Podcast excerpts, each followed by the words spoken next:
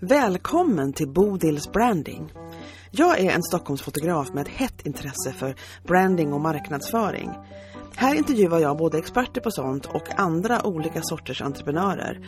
Några etablerade och andra helt färska. Meningen är att du som inte är expert ska kunna lära dig någonting som du kan ha nytta av och även spegla dig i andras berättelser. Jag är så glad att du är här och följer med mig på den här resan. Jag heter Bodil, jag är fotograf och brandingentusiast på upptäcktsfärd. Möjligen så har du hört talas om Female Founders Club. Det var ett nätverk och en medlemsplattform som Malin Högström drev i flera, flera år. Ehm, och sen var det så att 2020 så gav hon sig på en ny fas i sitt eh, företagarliv när hon nu driver en mera renodlad kursplattform och håller på att bygga kurser som väldigt många kommer att kunna ha nytta av. Jag funderar själv på att köpa en av hennes framtida kurser faktiskt. Ehm, vi pratar om hennes entreprenörsresa och varför hon började, att, att hon är en control freak och att hon försöker jobba med det. Ibland tillsammans med hästar faktiskt. Ehm, och så pratar vi om det här med liksom ehm, hur man ska definiera sådana som ger sig på att bara kritisera andra i deras trådar istället för att hitta på någonting bra själva. Malin har en bra titel för de människorna. Mm. Vi pratar om en hel del. Hon har mycket att ge den här Malin och mycket att berätta om och mycket att dela med sig av. Det var eh, väldigt kul att få sitta ner med henne som jag inte kände alls innan vi började och nu känner jag henne lite mera. Så nu ska du få lära känna henne också i det här samtalet med Malin Högström från Female Funders Club. Då så, då har vi gjort den lilla liven som jag tycker är jättekul som jag har gjort två gånger men tänker fortsätta med. Och nu sitter jag här med mm. Malin ifrån Female Founders Club. Det, det låter något det. Välkommen! Tack! Så alltså, kul att eh, du har frågat mig. Att jag får... Ja, ja men det, det är självklart. Alltså, det är så här, jag har inte något system på det här utan jag liksom bara känner att åh det där verkar... Alltså, jag dras till någonting och så frågar jag. Ja. Liksom. Men alltså vi, vi, vi, vi nästan hetsade igång inspelningen här lite för att du nämnde att du hade ja. som jag inte visste att du hade. Och då tycker jag vi kan Nej. börja den änden. Alltså vad heter den eh, podcasten och hur länge har du haft den och allt sånt där grundläggande? Ja, eh, den heter Female Founder Stories och mm. är egentligen grunden till det Female Founders Club liksom, som jag driver nu.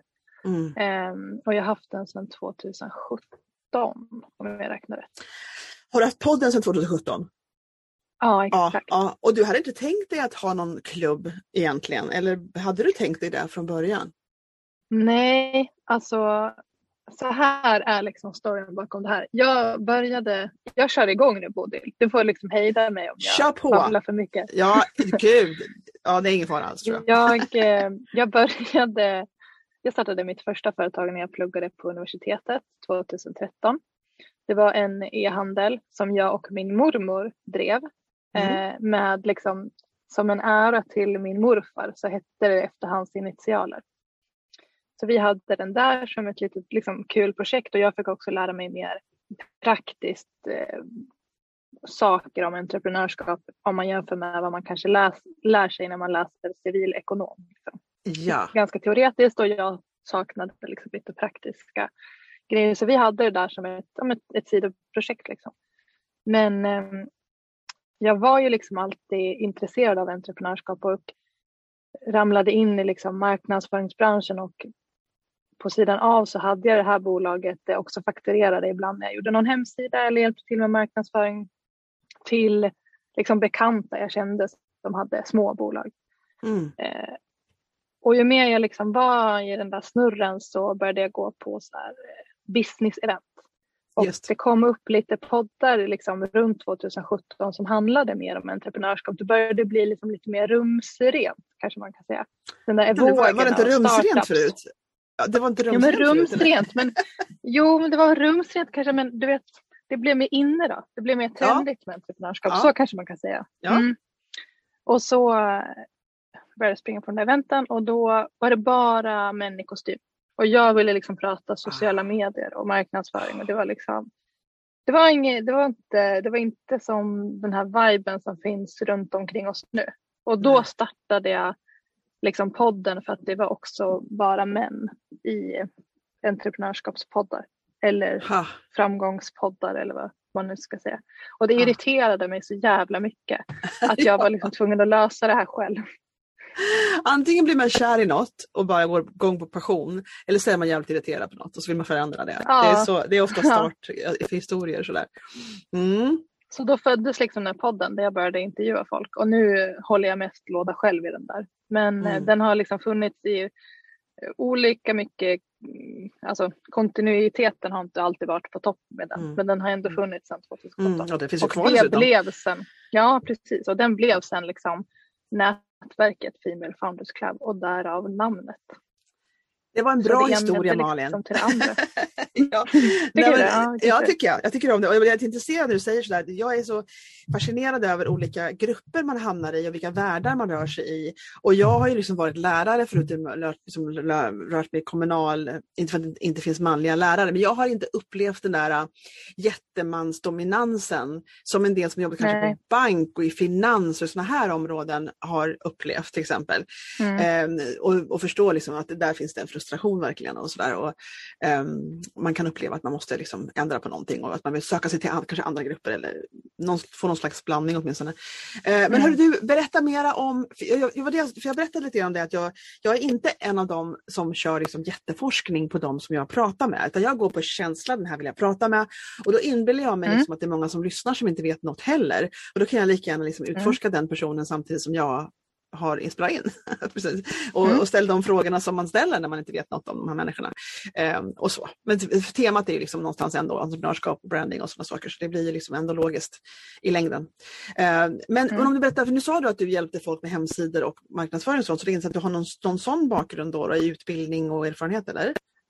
Ja, exakt. Jag har nästan bara jobbat med olika former av marknadsföring. Alltså på Mm. byråer, Mm. genom byråer eh, för stora och mindre varumärken parallellt med Female Founders Club. Och Female Founders Club var ju från början, som jag sa, ett nätverk. Mm. Där man liksom, egentligen ett digitalt nätverk där du kunde logga in och så fick du nytt innehåll varje månad som var liksom Mm. riktat mot kvinnliga entreprenörer. Det var som så medlemskap jag- också då, lite grann? Ja, Medlemsplattform exakt. också? Ett, ja, det. digitalt, ja, en Ja. digital medlemsplattform. Mm. Eh, nu så är det mer en liksom medieplattform där jag hostar mina onlinekurser. För att Mm. med tiden så märkte jag liksom att det typ av innehåll man kan skapa i en månad för kanske ett lite lägre pris kommer inte ge den effekten som folk vill ha. Och särskilt liksom utifrån min expertis och vad jag tycker är kul så ehm, behöver man kanske gå lite djupare om man ska sätta en contentplan för sin marknadsföring och nå ut Mm. och hitta rätt målgrupp och sådär. Mm. Så då ehm, ja, under 2020 så la jag liksom ner medlemsnätverket och lanserade första onlinekursen. Ja, just det. Det var ändå, en förlåt vad sa du? Sa du, sa du 20, ibland så zonar jag ut totalt jag lyssnar på, jag vet inte vad jag gör, men jag zonar ut ibland. Så inte för att jag inte hör vad du säger, men jag, jag tänker på sådana här, jag, får såna här följdfrågor i huvudet och såna grejer. Och då tappade jag, Jag året. helt. Vad, vad, vad sa du för år att du, att du la ner och började dina kurser? Var det 19? 20? Vad sa du? Nej, 2020. Våren 2020? ja. Nej, Ja, just det. 2020. Hösten 2020. Ja, så det, Ja, det okej. är inte liksom jättelänge sedan. Nej, det var det jag tänkte, att det var inte så länge sedan. Men kändes det liksom Nej. sorgligt att lägga ner det här nätverket då? Eller var du bara så redo för nästa grej? Eller hur det? Nej, det var jättesorgligt. Alltså det var, jag, gjorde, jag gjorde ett podcastavsnitt faktiskt om det här som hette? Kill My Darling. Ja, Men, och sen så lunchade jag med några av medlemmarna för att liksom ta farväl. Typ. Alltså, Ja. De har ju blivit mina kompisar. det är klart. Men det var, och, de, och de förstod ju liksom, bara, nej men det är Ja. klart du ska ju det. Och, Ja, och liksom, även lönsamhetsmässigt, skalbarheten var liksom inte vad jag ville uppnå. nej. Eh, och då, det förstod ju de. Liksom. Men Mm. det var, för mig var det, det var jättesorgligt. Nej men det, man engagerar sig. Alltså, jag förstår, du har ju, han har ju engagerat dig jättemycket med, med allt du ville erbjuda och ge och, och sen har de här människorna, och Exakt. så, man träffar dem liksom och har kontakt med dem regelbundet. Alltså det blir ju så, det är Mm. inte konstigt alls. Men visst är det underligt det där att man, att man någonstans älskar en tillvaro men inser ändå att det är dags att ta ett annat, annan riktning. Ja, verkligen. Alltså verkligen Ja. så. Och Ja. nu i efterhand så tänker jag så här, oj jag hade det här i huvudet så många år. Eh, Ja. Varför gjorde jag det inte tidigare liksom? Mm. Men eh, nu är, nu är det gjort. When the student is ready the teacher will come. Från liksom Kung Fu Panda ja. då. då. Eh, jag tänker liksom att, att det är, det, man, allt har sin tid på något sätt. Man är inte mogen att ta stegen förrän man tar dem. Ibland kan man gå och larva sig lite för länge för man är rädd eller något. Men oftast är det liksom rätt tid när, när, man, rätt tid när, tid när man gör det. Liksom. Jag, vet, mm, jag, tror, jag tror på det mycket, att man liksom inte kan göra, att man inte gör, att saker man gör egentligen inte är det kan inte bli så mycket katastrof för det är bara erfarenhet. Allt man gör är bara erfarenheter. Det är bara vägen. Liksom. Så man kan ju hålla på och tänka att man skulle ha gjort annorlunda men då hade man inte man missat några andra saker som man fick genom misstagen man gjorde eller en annan väg man tog. Eller någonting. Så jag är ganska tillfreds, eller jag är liksom försonad med att man kan i ögonblicket känna att någonting gick åt fel håll men det brukar inte vara fel egentligen. Nej, man ser tillbaka på det. Liksom. Så är det. Och det mm. var liksom, jag är ju också en person som tror mycket på universum och allt det där. Och det var liksom en period för mig under 2020 utöver det som uppenbarligen hände för alla i världen 2020 som mm. gjorde att jag behövde tänka om kring mycket saker och fick mm.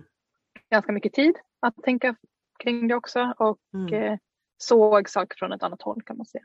Vad var det största liksom, nya vyn som du var tvungen att titta på som du inte hade sett förut? Eller vad var det som största förändringen om det går att ens att säga det? Att eh, livet kan ändras så fort att du måste ta risken idag. Mm, just det. Den är stor. Så. Var det den första är, gången som du liksom implementerade den? Eller du har säkert känt så förut men var det som sagt, blev det verklighet Ja men det har då? varit, eh, ja det blev verklighet på, en annat, på ett annat sätt för jag tror att jag aldrig har alltid haft liksom en, två, tre eller fem backup-planer mm. i mhm. bakfickan liksom. Men eh, eller vet, så här, kan se olika sätt. Om jag gör det här nu så kan jag ändå vrida om det dit om det skiter sig. Liksom. Och nu var ja. det mer typ att, eh, att jag var tvungen att gasa. Mm, just det. För, Kändes det som att det var ja. en del av dig som du alltid hade haft som kunde gasa? Eller var det världens nyaste del av dig som du inte ens förstod att du hade när du gasade på där? Nej, den har alltid varit där. Jag har bara ja. inte släppt fram den. Nej, Just det.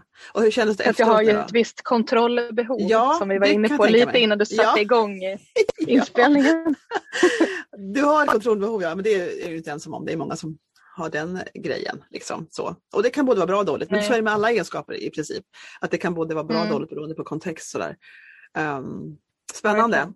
Vad var det som, mm. Eh, som du kände blev, nu är det två år sedan då, kan man ju säga, eller hur? Om ja. man kan räkna, vilket jag inte ja, kan ibland. Men, mm. men det är två år sedan. Och, och då tänker jag, liksom, vad, vad, när du ser tillbaka nu, då, för nu vart är du, hur skulle du beskriva din situation nu? Vart är du nu? Liksom? Vad är det som pågår?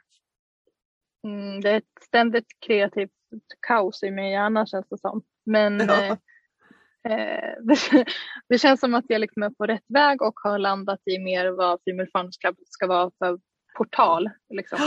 eh, ja, men vilken plattform det ska vara och hur jag också skulle kunna strukturera erbjudanden över tid och lite mm. sånt där.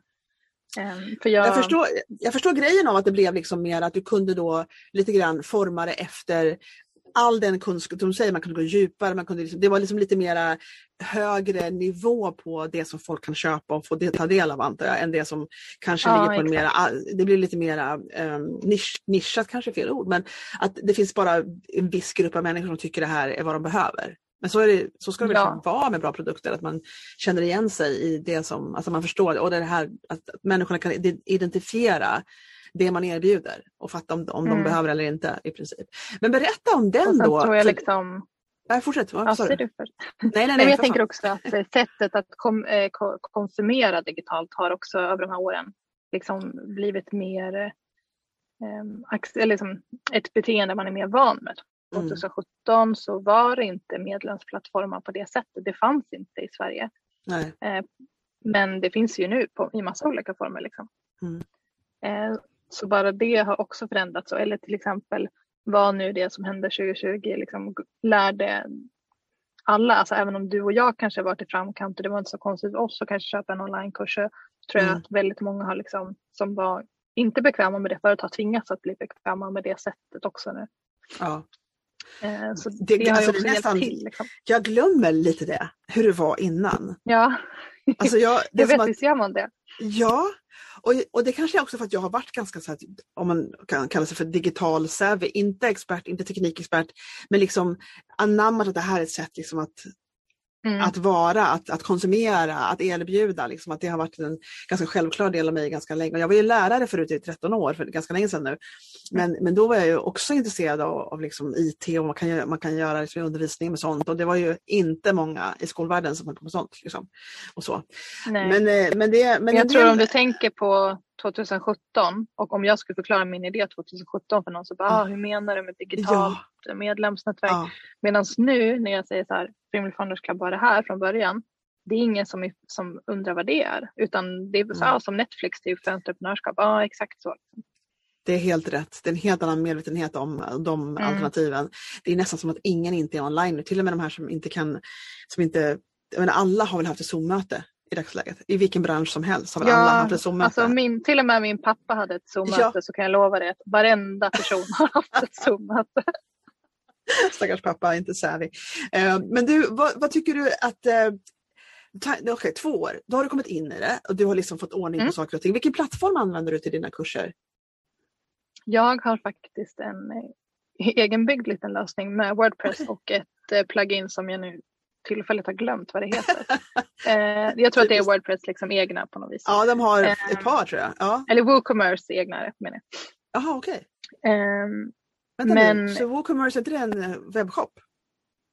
Jo, precis, men för att man ska kunna betala för kursen så eh, finns det tillägg till WooCommerce som gör att man, när man har betalat så liksom kommer man automatiskt in på Just det, jag glömde bort att du säljer kurser. Jag, jag var fortfarande inne på medlemsplattform och tänkte hur fan gör man det i WooCommerce? Ah, nu, ja. nu, Nej, nu, nu är, utan nu är det med. bara kurser. Mm. Yes, exakt. Det är um, produkter. Så det gör jag. Nödvändigtvis inte att jag skulle rekommendera det om mm. man typ ska börja nu så finns det ju färdiga liksom, plattformar. Det var bara att jag hade ett visst tekniskt arv kan man säga av mm. medlemsnätverket mm. och det medlemsnätverket fanns fortfarande kvar när mm. jag lanserade kursen första gången och då mm var det lättare för mig att bara bygga vidare på den. Och, eh, känner du att du vill, ja nu är du ju igång så nu har du på med den men du vill inte lämna den och byta? Du tycker den funkar fortfarande för dig i alla fall? Ja, det funkar för ja. mig och jag kan ju ha någon form av förmåga att kunna redigera lite kod själv. Så att det ja men det är asbra. Men om, ja, man, om man inte har det så finns det ju liksom färdiga lösningar. Ja exakt. Kanske funkar där, bättre jag pratade bara, bara igår så var jag på lunch eh, med en, hon som driver kontot Lova KBT. Och vi pratade just om det här, för hon, om det här med styrkor och svagheter och vad man liksom är bra på, vad man inte är bra på, hur mycket man ska egentligen kämpa med det man inte är bra på. Liksom. För jag kommer mm. ihåg för länge sedan när jag, när jag skulle bygga hemsidor och insåg att ja, läsa koda ska inte vara så jävla svårt. Det måste ju gå att lära sig, tänkte jag och började googla fram grejer och, sådär, och fick till någon slags stackars framsida och insåg att det här var inte kul. Så att jag slutade med det. och tänkte att nej, det här det är inte alltså, Lite grann vill man ju ha en gnista av excitement ändå. Om man ska lära sig ja. något helt nytt, vilket jag tycker man ska göra i regelbundet, lära sig något helt nytt som man aldrig har gjort förut.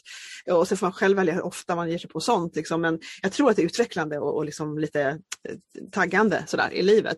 Men inte om det verkligen känns som att det här är inte min grej liksom, alls. Nej, det måste ju finnas det är som bokföring för mig.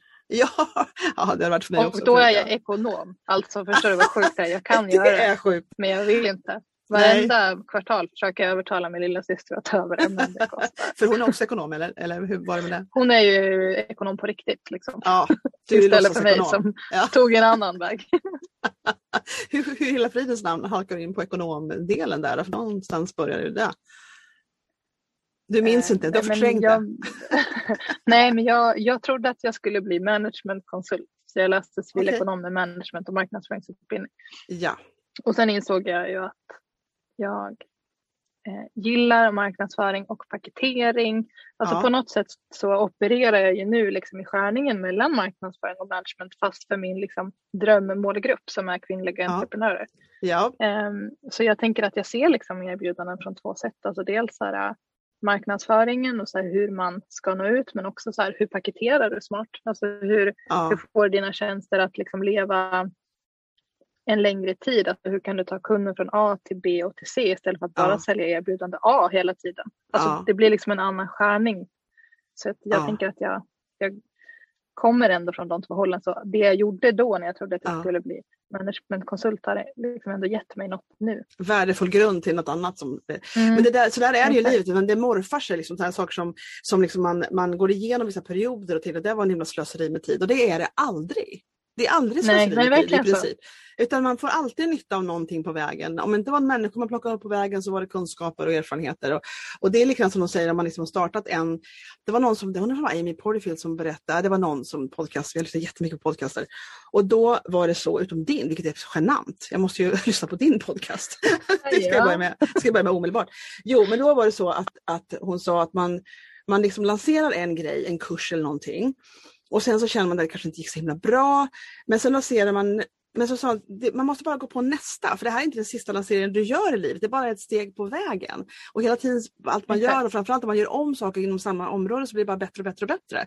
Att man, man, det, det, det, är delen, det är, en, det är så den ser ut, det är så vägen ser ut. Så man kan ha tålamod med att man liksom inte är färdig vid första lanseringen, första kursen, första någonting egentligen. Så kan man vara lite mer Nej, tillfreds med så. tillvaron. Så, visst är det så? Mm. Håller 100 procent med. Ja. Vad tänker du om eh, din, du som är så bra på det här nu då, det här med liksom, eh, din marknadsföring, du kan ju prata om din egen. Liksom. Jag förstår att du hjälper många andra med det också regelbundet, men, men den här uh, Female, dina kurser, för det måste ju marknadsföras Mm. ut- om det ska bli något, om det ska bli några pengar. Liksom. Så är det ju. Alltså mitt, eh, min mission har väl egentligen inte förändrats även om kanske erbjudandet har ändrats över tiden utan jag drivs ju fortfarande av den här gnistan som tändes med att det bara var massa så här businessmän i kostym. Så för mig är det Mm. fortfarande det här liksom att jag vill ju ehm, att få jag vill få fler kvinnor till för ett att våga starta företag och två Mm. bygga dem lönsamma. För jag tror att många fastnar lite i så här, det här tänket att så här, det, är mitt, det är min lilla hobby, Mm. det är mitt lilla företag. Ska jag verkligen höja mina priser? Ska jag våga Mm. ta betalt? Alltså hela den där grejen är någonstans fortfarande något som är väldigt i linje med vad jag står för och vad jag vill. Och när jag uttrycker det eh, genom mitt innehåll som jag också skapar då på sociala medier, vilket är liksom min säljstrategi, Mm. så fångar ju det folk istället för att om jag bara skulle stå och skrika kom och köp. Liksom. Ja visst, det Så klart. det är väl min, min tanke bottnar att det är egentligen inte svårare än så. Än att så här, Mm. Jag har hittat varför jag vill göra det jag gör. Jag vet vilken min målgrupp är. Och jag liksom skapar innehåll som är i linje med det. Och Mm. som jag själv liksom, ja, men får ut den här inspirationen till andra. Men Mm. också såklart pratar om vad jag kan hjälpa till med och Mm. allt det där. Och när man gör det så är det egentligen, det är inte så svårt. Nej. Man kan tycka att det är Men svårt. det, men det krävs ju eh, enträ, man måste hålla på. Alltså man får inte sluta, man måste hålla på hela Ja, tiden. exakt. Nej, och det är Ehm. verkligen så kontinuitet och Mm. sätt. Alltså sen, jag är ju en projektledare typ på alla sätt Mm. och vis. Så att Hur definierar du det? system, Att liksom. vara, hur definierar du en projektledartyp? Vad är kriterierna? Alltså Bodil, jag kan styra upp som fan. Kan du det? styra upp andra människor eller styra upp dig själv? Ja. Alltså jag är nog bättre på att styra upp andra människor än mig själv. ja, just det. det brukar vara så. Ja, du kan det. Ja, Nej, men alltså sätta det liksom i en struktur så att det blir liksom enkelt att göra. För så här, även om jag, det är klart om jag sitter och säger nu så här, ja, det är så enkelt med marknadsföring så är det en sanning med modifikation. Det kan vara jättesvårt också även för mig. Alltså, det kan ju verkligen vara så skomakarens barn ibland Mm. när jag sitter och håller på. Men jag vet ju att om jag följer den process som jag har för mig själv och om jag strukturerar upp så att jag kanske eh, skapar innehåll, typ ja, men planerar innehåll för en viss period framåt och sen typ också eh, gör eh, batchar innehåll. Liksom. Mm. Då blir det inte så svårt att hålla den här Mm. kontinuiteten. Medan Nej. om jag, de perioderna jag försökt liksom, dyka upp lite här och där, då blir det inte lika bra. Liksom. Nej, jag förstår det. Och det är väl också en nyckel att, att uh, kunna hålla den där kontinuiteten. Mm. Mm. Och det, jag har ju, um, jag känner mig så lite larvig när jag säger så här, men det är sant så jag kan lika gärna säga det. Och det är så här att jag, jag får ju snarare liksom lite, lite, jag vet inte vad det är jag får, hur känns det? Jag måste tänka efter nu. Det här med att sätta planer och struktur, det är som att det inte är mina ord. Du vet, Nej, så. jag fattar. Gör du det? För jag, och då känner jag mig lite barnslig, så här lite omogen när jag säger så. Men jag Mm. vet också om att det Men finns är en det del någon andra som är... jag vet. frihetskänsla Ja, ja, jag tror det. efter? Eller? Jag känner mig lite inlåst. Så här. Jag känner mig så. Mm. Och ändå så, så uppskattar jag det, för jag var, säga, jag var lärare i 13 år. Ja, jag var inte så strukturerad då heller, men, men, liksom, men jag var underhållande. Men då, men då var det så att jag kände verkligen att, jag, att jag, det är någonting som jag vill, för nu känner jag mig mer och mer att jag måste liksom anamma det. För jag förstår att det är det som saknas för mig. Jag är ganska bra på att vara spontan, jag är ganska kreativ, jag kan få ut grejer ändå. Men jag, men jag mm. förstår att det finns en vila i, i de här strukturerna. Jag har inget svårt att batcha heller, för det kan jag också göra och har gjort. Ehm, mm. Men det finns det är någonting med, med det sista steget in i the land of structure som jag liksom mm. inte har tagit, har tagit riktigt. Nej, alltså jag kan ändå känna igen den här frihetslängtan för det driver mig också ganska mycket. Men mm. för mig så tror jag att planen blir, alltså då har jag frihet. Då behöver inte jag ja, sitta och jag, jag känna att ah, den här content-ångesten igen eller vad ska jag lägga ut. Det vet mm. jag. Sen, sen så äh, brukar inte jag bestämma typ så här på fredag klockan 12 så ska Nej. det här inlägget ut. Men jag vet liksom att den här veckan, speciellt liksom när jag ska lansera någonting, så mm. nu efter påsk så kommer jag lansera Marketing Bootcamp som är min onlinekurs igen. Och då vet jag att, liksom att om jag börjar prata om, om det här problemet här mm. så kommer jag flytta perspektivet på de som kanske vill gå min kurs, att de förstår att aha, det är möjligt att jag ja. också kan lära mig skapa innehållet. Liksom, typ. Just det. Kan, alltså, du har en marknadsplan helt enkelt, en, en marketingplan som du lägger upp helt enkelt hur, hur du ska fasa in Ja, så exakt målet är att de som, de som jag förstår precis vad du menar, det låter extremt logiskt för mig. Och jag har hört det berättas förut också dessutom. Så det, det, ja. Ja, ja, absolut, absolut, absolut. Kände, kände du liksom att, att du, när du, när du um, blev företag, när var det förresten? Ja men det var ju 2013 sa du va? Sa du inte det? Ja, ja första ja, gången. För det, ja, för det var då som jag klev av också 2013, eh, första februari på heltid. Då, då la jag ner mitt lärarliv mm. helt och gick över till fotograf. Då, helt. Sådär. Eh, så att, jag ja. var ju student så jag vet inte hur det riktigt räknas men 13 september då. då ja. 13 då september 2013. Bra. Mm. Är 13 en bra siffra? Nu måste vi komma fram till om det var bra eller inte. Det finns säkert någon som är så duktig på numerologi som kan räkna ja. ut vad det där betyder. Ja, säkert, vi får efterlysa, vi får efterlysa sen. Vad, mm. vad ger dig din största glädje nu när du håller på med det här? För nu, i, ditt ar, i, ditt, I ditt arbete i ditt företag, vad är det som ger dig glädjen? Det är nog eh, den, alltså, det är ganska abstrakt men det är liksom en känsla av att det pirrar.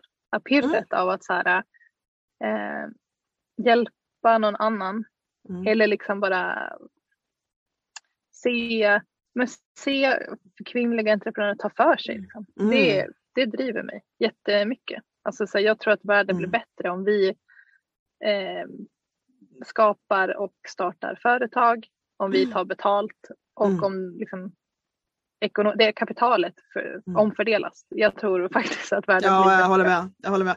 Det, det är och det, att, att, när, du, när du sa så här förut, för du pratade om det förut, att du träffar kvinnor eller har träffat på kvinnor som uttrycker osäkerhet runt, runt att starta företag, att ta plats. Den är tydligen en väldigt klassiker som jag aldrig haft problem med. Eh, och det andra mm. är liksom eh, det här med prissättning och sådana saker. Och det har ju mycket att göra med liksom en, en känsla, vilket inte är så konstigt med tanke på de strukturer som finns i samhället. Så det är inte det, jag klandrar ingen människa för det här alls. Eh, men jag såg en, en, en, en eh, det måste ha varit en reels, va? en filmrulle, eh, som var så bra som jag la in i en av mina medlemsgrupper som jag är med i, Mikaela Arne, Ares eh, medlemsgrupp. Och det var så här, det var någon liten människa som eh, säger ja, det var extremt nedvärderande, jag menar inte alls så, det var en kvinna som, som, som har ett företag och hon gör, jag vet inte vad hon gör allt, men, men reelsen var med hennes stickers. Hon, hon, det var bara klistermärken i, det, i den här reelsen som hon la i lådor och det var en del i vilket fall som helst av hennes företag. Och så går, går texten så här. Ja, om du känner att det är svårt att ta betalt för dina, dina produkter så ska du veta liksom att, så tog hon upp en massa sådana här lyxbrands och jag kommer mm. inte ihåg vilka de är för jag har liksom ingen, jag har liksom, det står still. Men, men jag minns de sa, ja de här säljer liksom ett, en, ett hårspänne för 550 dollar och de här säljer en, du vet så här. Mm. Och det var sådana exempel från, från verkligheten och jag var helt golvad över, ja men Alltså det, handlar, det är så här perceived value hela tiden. Och, och det är så intressant. Det, det, var verkligen upplyftande att se de här exemplen på små trinkets som, som riktigt stora brands säljer för liksom summor som känns som fantasi. Liksom. Mm. Men det är klart de säljer dem, naturligtvis. Ja. För de har det varumärke de har. Jag tycker det är jättespännande Exakt. och upplyftande om man känner sig osäker på vad man kan ta betalt för någonting. Att det finns liksom inga regler för det i princip. Alls. Nej. Liksom. Nej. Jag måste länka ut det där tror jag till min vanliga Instagram. Det, och det, och det här är någonting med, med eh, vad kan det vara, självkänsla, förebilder, Jag vet inte vad det beror på att man fastnar. För jag har också fastnat, fast jag inte är så himla rädd för att ta betalt så fastnar jag ändå inför prishöjningar och sådana saker. Ja, alltså jag kan också fastna i massa ja. mindset-grejer även om det kanske inte är exakt samma. Men jag vet till exempel när jag skulle starta den här podden 2017 så var jag så nervös. Alltså jag var mm. så nervös. Jag trodde att jag skulle få en Flashback-tråd som pratade illa om den här podden. ja. Det har jag ännu inte fått liksom. Men jag var så nervös att jag var på afterski eh, och typ så att publicerade in liksom, avsnittet, eh, drog på mobilen på så här flygplansläge så ingen kunde nå mig och sen gick jag ner på afterskin och blev full. Ja men jag var så nervös att jag känner igen det här. Liksom, att, att bli dömd på något sätt eller?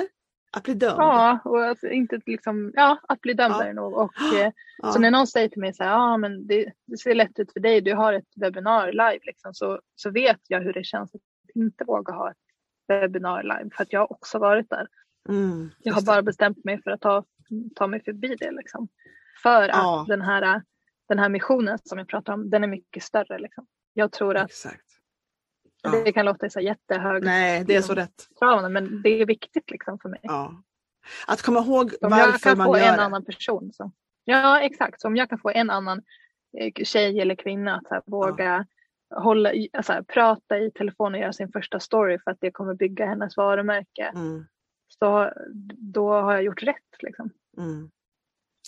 Jag blir sådär lite vad blir jag?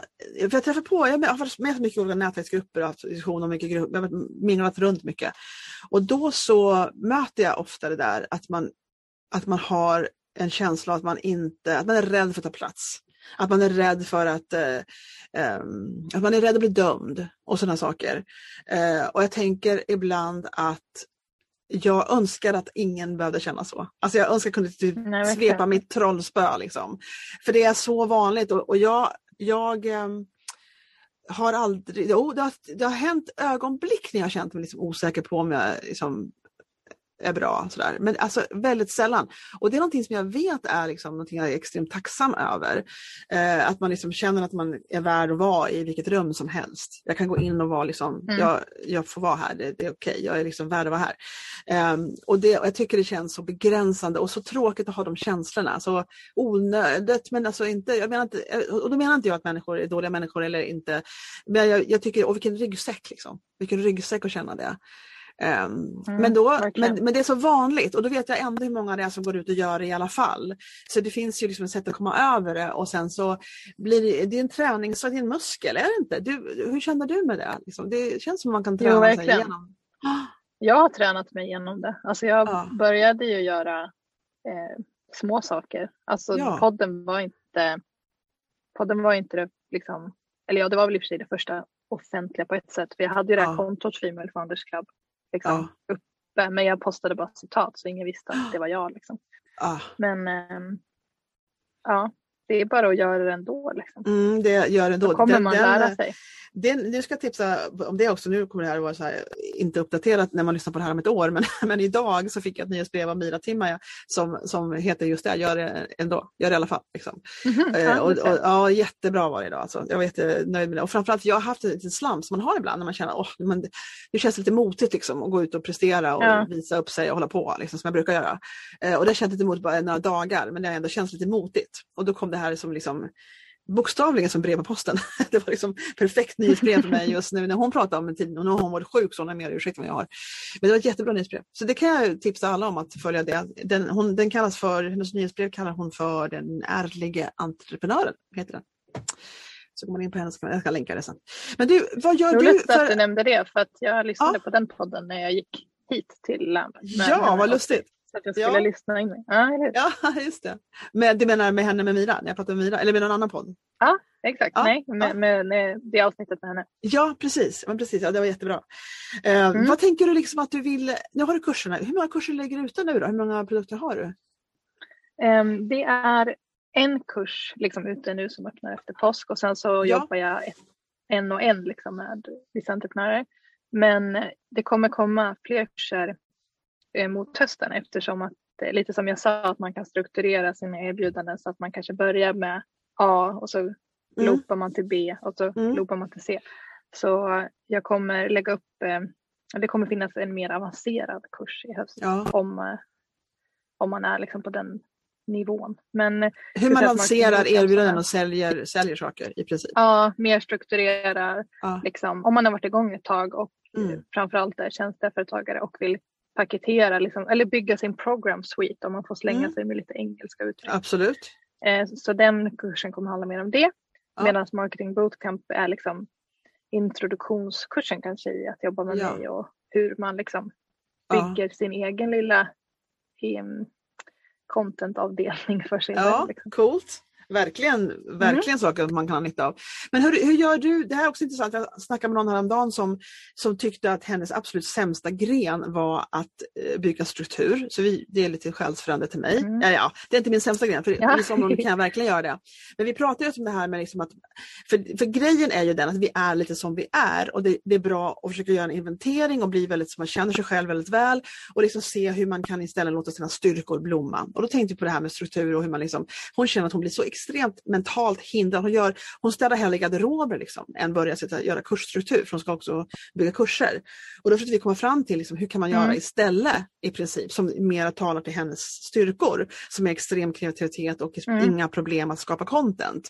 Och vi, vi bollar där lite fram och tillbaka och då tänker jag liksom på hur hur gör du, du när du bygger dina kurser? Kör, är det post-its liksom och kapitel och underkapitel eller hur gör du när du lägger upp dem? Ja. Alltså jag har liksom två punkter här.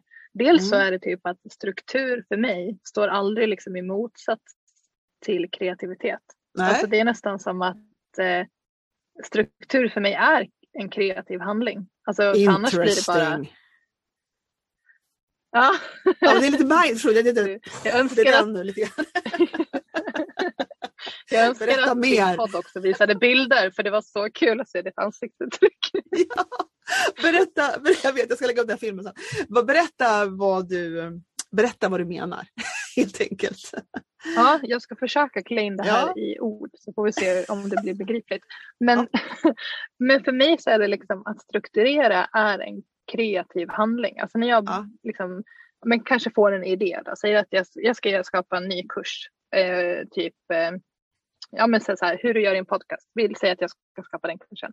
Så för mig så bara för att, då har jag bara fått den idén. Och när jag då ska liksom, eh, göra den här ja, vad borde vara en logisk resa? Man kanske inte kan börja med att publicera ett avsnitt utan man måste ju lära sig kanske eh, hur man producerar avsnittet först. Liksom. Det är en ganska logisk grej. Mm.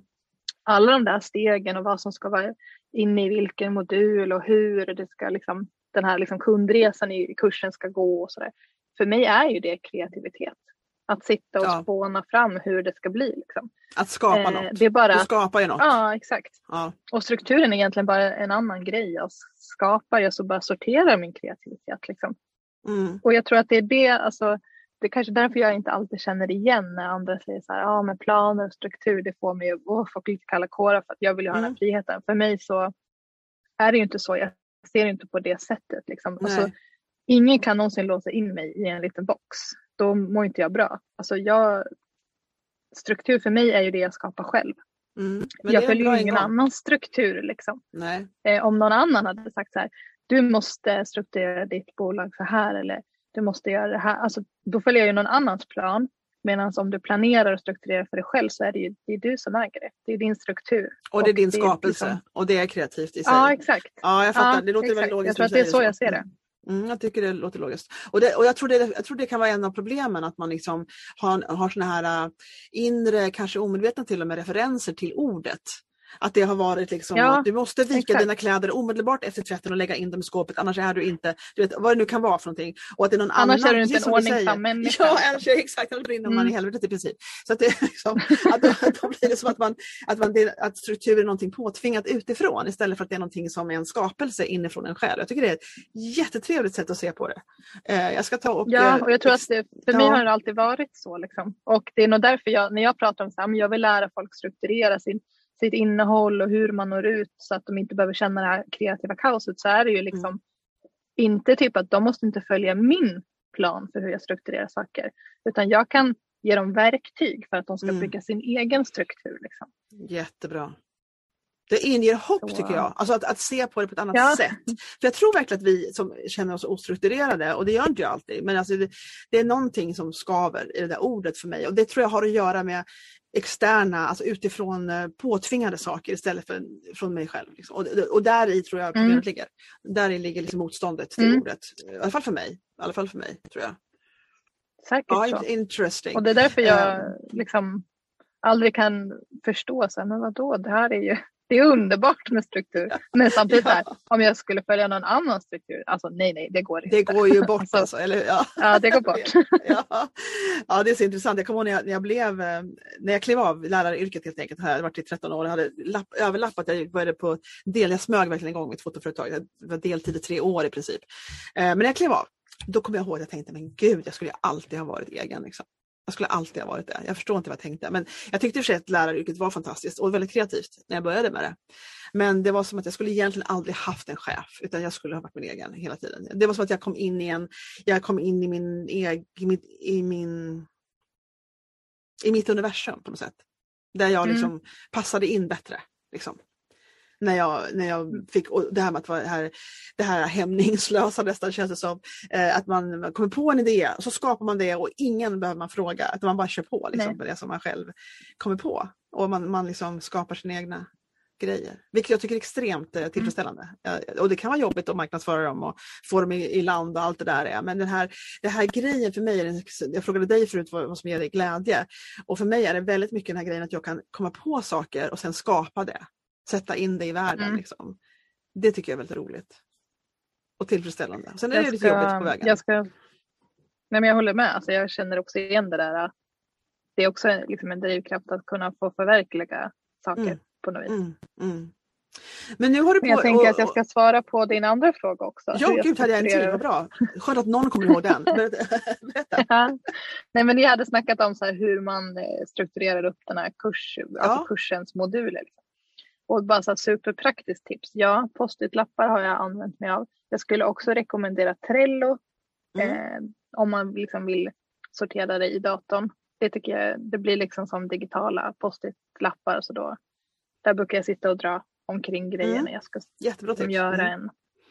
Ja, så den vill liksom ändå värt att nämna innan vi Verkligen. hoppar vidare till nästa. Ja, ja visst, och det hoppas mycket här. Men vad ska jag säga, vad, ehm, för du har på i två år, du vet vad du ska göra framåt, du har kurser på gång och det här är, som, Mm. det, är det du ägnar dig åt. Men jag antar, har du något annat som du ägnar dig åt som vi har glömt att prata om? Som du liksom fyller dina dagar med? Mer än att, vad gör du på dagarna? Ja, mest så produktionsleder jag ju produktionen för kanske lite större varumärken. Men det är Ja. ju liksom inte, det, är inte, det ryms inte inom Female Founders Club. Eh, Så det. Det är inte lika roligt Ska du fasa ut det eller, eller betalar det räkningarna? Ja, eller vad, det, vad ligger det för det funktioner? betalar absolut räkningarna. Men, eh, Och lite mer? men det, förhoppningsvis. Men det, det är väl min plan att kunna fasa ut det på sikt. Mm, mm, just det. För att det Ja. andra ger mig mer själsligt. Ja. Liksom. Visst. Sen och vad är framtids... ett, Nej, fortsätt, gud, berätta mer. Jag håller på och startar upp ett, eh, ett till projekt som är eh, lite fortfarande i sin linda så att jag ska inte berätta det så mycket. Jag får komma tillbaka om ett år och berätta om det. Men som är Absolut. mer eh, engelskt. Ett engelskt på engelska kan man säga. Mm. Ett varumärke på engelska kan man säga så. Ja, Kan man, men ja, du typ. sa det just, så det går tydligen. ja. uppenbarligen gick det jättebra. Ja. precis, precis. Spännande. we continued. Är har, jag, jag eh, fick höra för länge, länge sedan nu, vilket jag tror benhårt på, att, liksom, att man behöver som människa för att känna sig ung och um, excited, ha saker att se fram emot. Om man inte har någonting att se fram Mm. emot så blir det liksom inget kul att leva i princip. Och det, det håller jag med om väldigt mycket. Att ha saker framför sig som man ser fram emot. Att det, det kan vara resor, det kan vara projekt, det kan vara liksom någonting. Och, och det tycker jag stämmer. Mm. Och då antar jag att den här engelska grejen är en av de sakerna i ditt liv. Eh, men har du några Ja. andra såna här riktigt såna här vå- våta drömmar som liksom du, du ser långt i framtiden som du skulle vilja uppnå? Ja, jag har faktiskt en grej som jag, jag vill köpa en gård i Dalarna där jag är ifrån. Eh, som jag kanske nödvändigtvis inte ska bo i på permanent.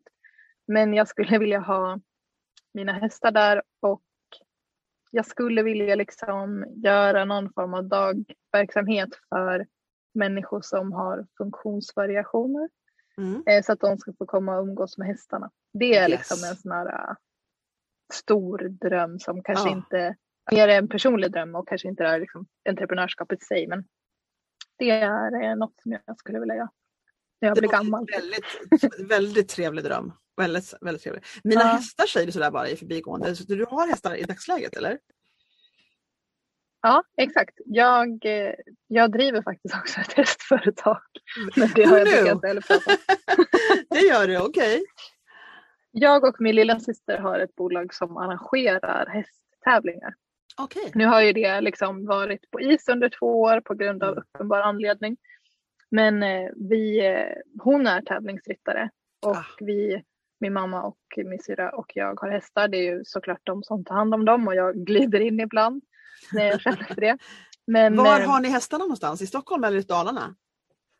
nej, i Dalarna. Ja. Och eh, när mina föräldrar köpte gården när jag var 15-16 så gick det några år, sen fick vi dem att bygga en egen tävlingsbana så att vi har tävlingar på mina föräldrars gård ibland. Gotcha. Som, en, som också så här sidogrej. Men Ja. eh, det Var jag. du hästtjej när du var liten eller har du alltid ridit? Eller? jag började rida när jag var fyra år. Ja. Eh, utan att jag nog ens valde att jag skulle rida utan jag blev satt på ridskola av Ja. min mamma. Och det tror jag är bra för att jag hade nog haft för mycket kontrollbehov för att liksom börja rida i vuxen ålder. Ja. Och det får jag liksom fortfarande kämpa med när jag rider. Ja. Att bara Vad är det man kämpar med då? kontrollen. Släppa kontrollen, okej. Ja. Intressant. Mm. För jag, alltså, jag också jag, samarbete jag, med, en, ann- med ett annat Ja. djur. Just det, så är det förstås. Jag, jag var hästtjej när jag var liten. Jag gick på Mm. ridskolan när jag var fem år och gick i flera år. Men jag blev, jag ramlade av, när jag var nio så ramlade jag av en häst. Nej men gud, jag var nog yngre. Det var inte så länge som jag trodde. Och då sa de att vi ska vänta lite för att bli lite större. Jag kanske var mindre än jag kommer ihåg egentligen. Och skulle få börja Ja. nästa år. Men sen så började jag aldrig om. Jag gick och hyrde häst Nej. ibland och sådär. Men jag, jag fullföljde inte och sen i vuxen ålder blev jag allergisk mot hästar. Typiskt. Det är det värsta. Ja. Alltså, jag är allergisk mot katter också, det stör mig inte alls. Men att vara allergisk mot hästar, det är något som jag helst inte pratar om så mycket. Jag, jag tycker det är väldigt Nej. sorgligt nämligen. Jag skulle, jag skulle, annars skulle jag rida om jag inte var allergisk. Jag, skulle, jag Jag tror det liksom, var maxad allergi. Ja. ja, jag tror att det är mitt livs utmaning att eh, släppa kontrollen. Alltså det får jag jobba med på Ja. alla sätt och vis. Liksom. Alltså, Hur jobbar man med sånt då? Ja, du hoppar upp på en häst kan du Ja, börja med. Liksom. there you go. Då, På vilket sätt, de som inte rider längre, förklara lite mer hur det funkar. Man måste liksom känna in och hur, jag, vet- jag förstår inte, berätta. jag vet inte, alltså, nu kanske våra hästar är olydiga också. De gör lite som de vill med mig ibland. Det Okej. är klart att du kan hoppa upp på någon som är jättelångsam och knappt rör sig framåt. Då skulle jag kanske Ja. inte känna något. Oj, att jag var lite rädd liksom. Men de är ganska eh, busiga och pigga. Och då, Mm. då måste du, alltså, så här, du kommer ju aldrig liksom, med kroppsstyrka någonsin Nej. kunna stoppa en häst. Liksom. Det är ju bara teknik och samarbete. Mm. Och Det är spännande det är. Alltså. liksom, för mig är det en mental utmaning. Mm. Och det är klart att det kanske blir det mer när jag inte rider kontinuerligt. Precis som du vet när man Ja. gör marknadsföring. Det är jobbigt när man bara gör det då och då. Ja visst, och så det är med allt kan jag tänka mig. Men alltså det där tycker Mm. jag är så intressant. För lite grann, det är så här med djur, kanske mer med hästar då till och med än andra. Det är lite grann det här så det är med, det är relationer det handlar om. Är det inte? Ja, Ja. ja verkligen. Och, och då är det alltid så att man kan liksom inte tvinga runt folk. Det, man måste skapa en relation, man måste liksom ha respekt för andra och man måste liksom känna in och man måste, Mm. du vet allt det här som är liksom livsskills och relationsskills liksom. Och som jag tycker då är jättemycket företagande um, benefits. Och gud, jag har svengelska till mig här ordentligt. Men eh, det, det, jag tycker det är sp- spännande att man kan för, vi, för liksom det är lätt hänt, ja, jag har ju, jag har ju på och försöker erövra LinkedIn. Det är inte det lättaste för en sån som jag. Men, men jag är där och försöker göra mina grejer. Mm. Och så känner jag fler som, som eller framförallt en som, är, som har också börjat, inte alls för länge sedan, men verkligen tagit sig långt framåt och liksom har, det går bra för henne på LinkedIn. Ehm, Mm. och, då, och då möter hon mera av, du vet troll, folk som är neggiga, alltså hon, hon exponeras för mycket mer folk än vad jag gör. Eh, och då är det det här som vi fascineras över ibland, att folk kan lägga tid på att försöka styra andra genom att kritisera dem. Du vet, det där.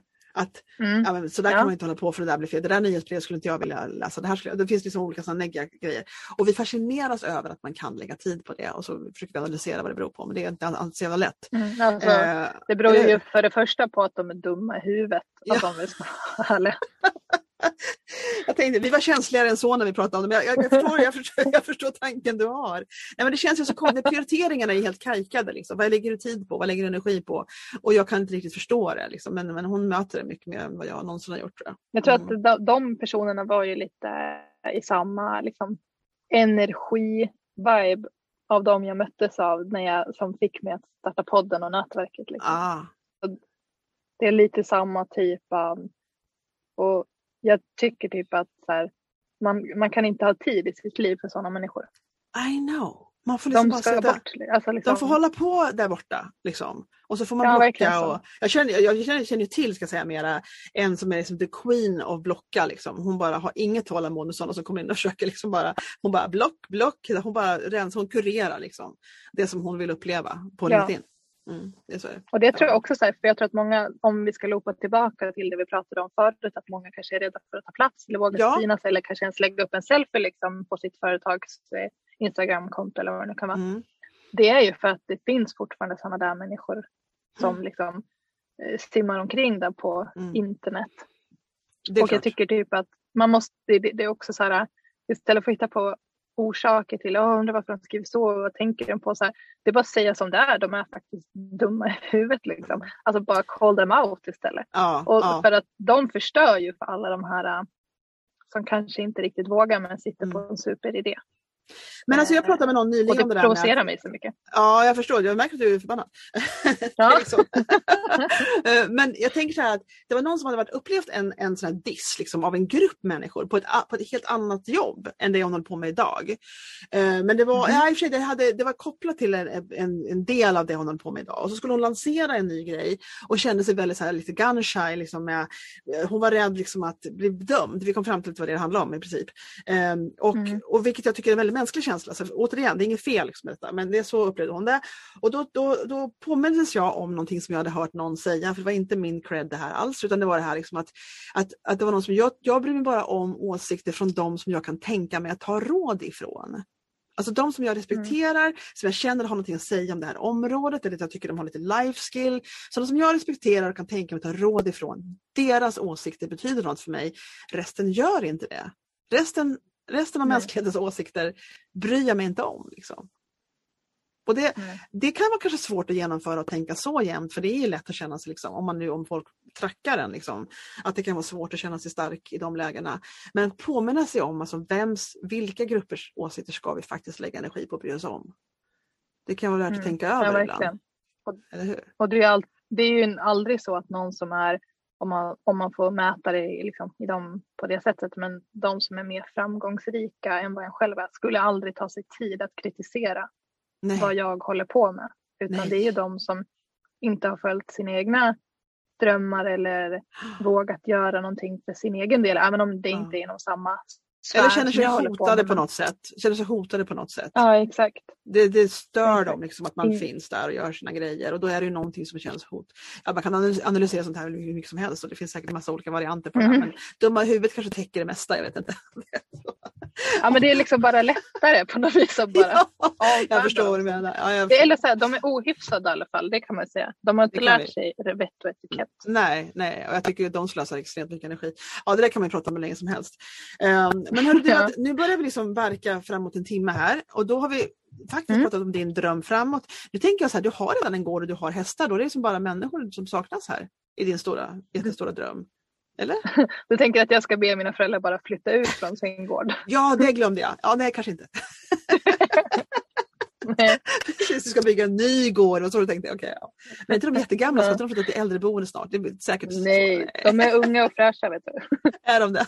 Fan. Ja. Okej, vad ska vi göra? Då så, då får jag ta och eh, tacka dig så jättemycket för att du ville ligga, lägga en timme på mig idag. Ja, tack själv. Det har ju varit eh, jättekul och pirrigt på samma gång. Som Ja, jag sa innan vi, ja startade, att så här, jag är ju van att babbla i min podd men helt plötsligt så liksom lämnar jag över rodret till dig. Så nu vet jag hur mina gäster kan känna sig. Ja precis, och det kan alltid vara bra. De säger det. Alla läkare Ja. ska ligga inlagda minst en vecka på ett sjukhus för att förstå hur, hur det känns. Så, nu har jag fått uppleva det. Ja, nu har du fått uppleva det. Det är jättebra. Men du, eh, vi hörs igen tycker jag. Jag tar gärna en uppföljning på det här så småningom. Mm. Och så får vi eh, länka till olika saker som du får påminna mig om när vi har stängt av inspelningen här. Vad jag ska lägga in i texten sen också. När vi, till, som, hör, som hör till avsnittet. Ja, som kommer redan imorgon faktiskt. Så det Ja, är liksom omedelbar publicering blir det i princip. Då så, men då säger vi hej då, då och tack så mycket. Hej då, tack för att jag fick vara med. Mm, det var så kul. Ja, tack Malin för den här timmen. Det var så roligt att få lära känna dig lite, lite grann och jag hoppas verkligen att det här bara är början och att jag får tillbringa mer tid med dig. För det, det tycker jag det känns som att jag extremt gärna skulle vilja göra. Eh, och så hoppas jag att du som lyssnade tyckte att det här var roligt och, och, och, och du fick några bra tips och att du fick kunskaper och att du känner att det var väl eh, spenderad tid den här timmen tillsammans med oss. Och så hoppas jag att du kommer tillbaka nästa lördag när jag har en ny gäst på podden. Eh, det är verkligen någonting som jag är väldigt tacksam för. Att de som jag pratar med vill ställa upp och att du som lyssnar är här. Det gör mig väldigt lycklig. Jag blir väldigt glad att tänka på det. Så att välkommen tillbaka igen och Malins eh, länkar finns i texten som hör ihop med hemsidan och jag finns på nätet på brandingyou.se och jag finns på Instagram på brandingyou.stockholm. Vi ses snart igen. Ha det så gott till dess. Hej då!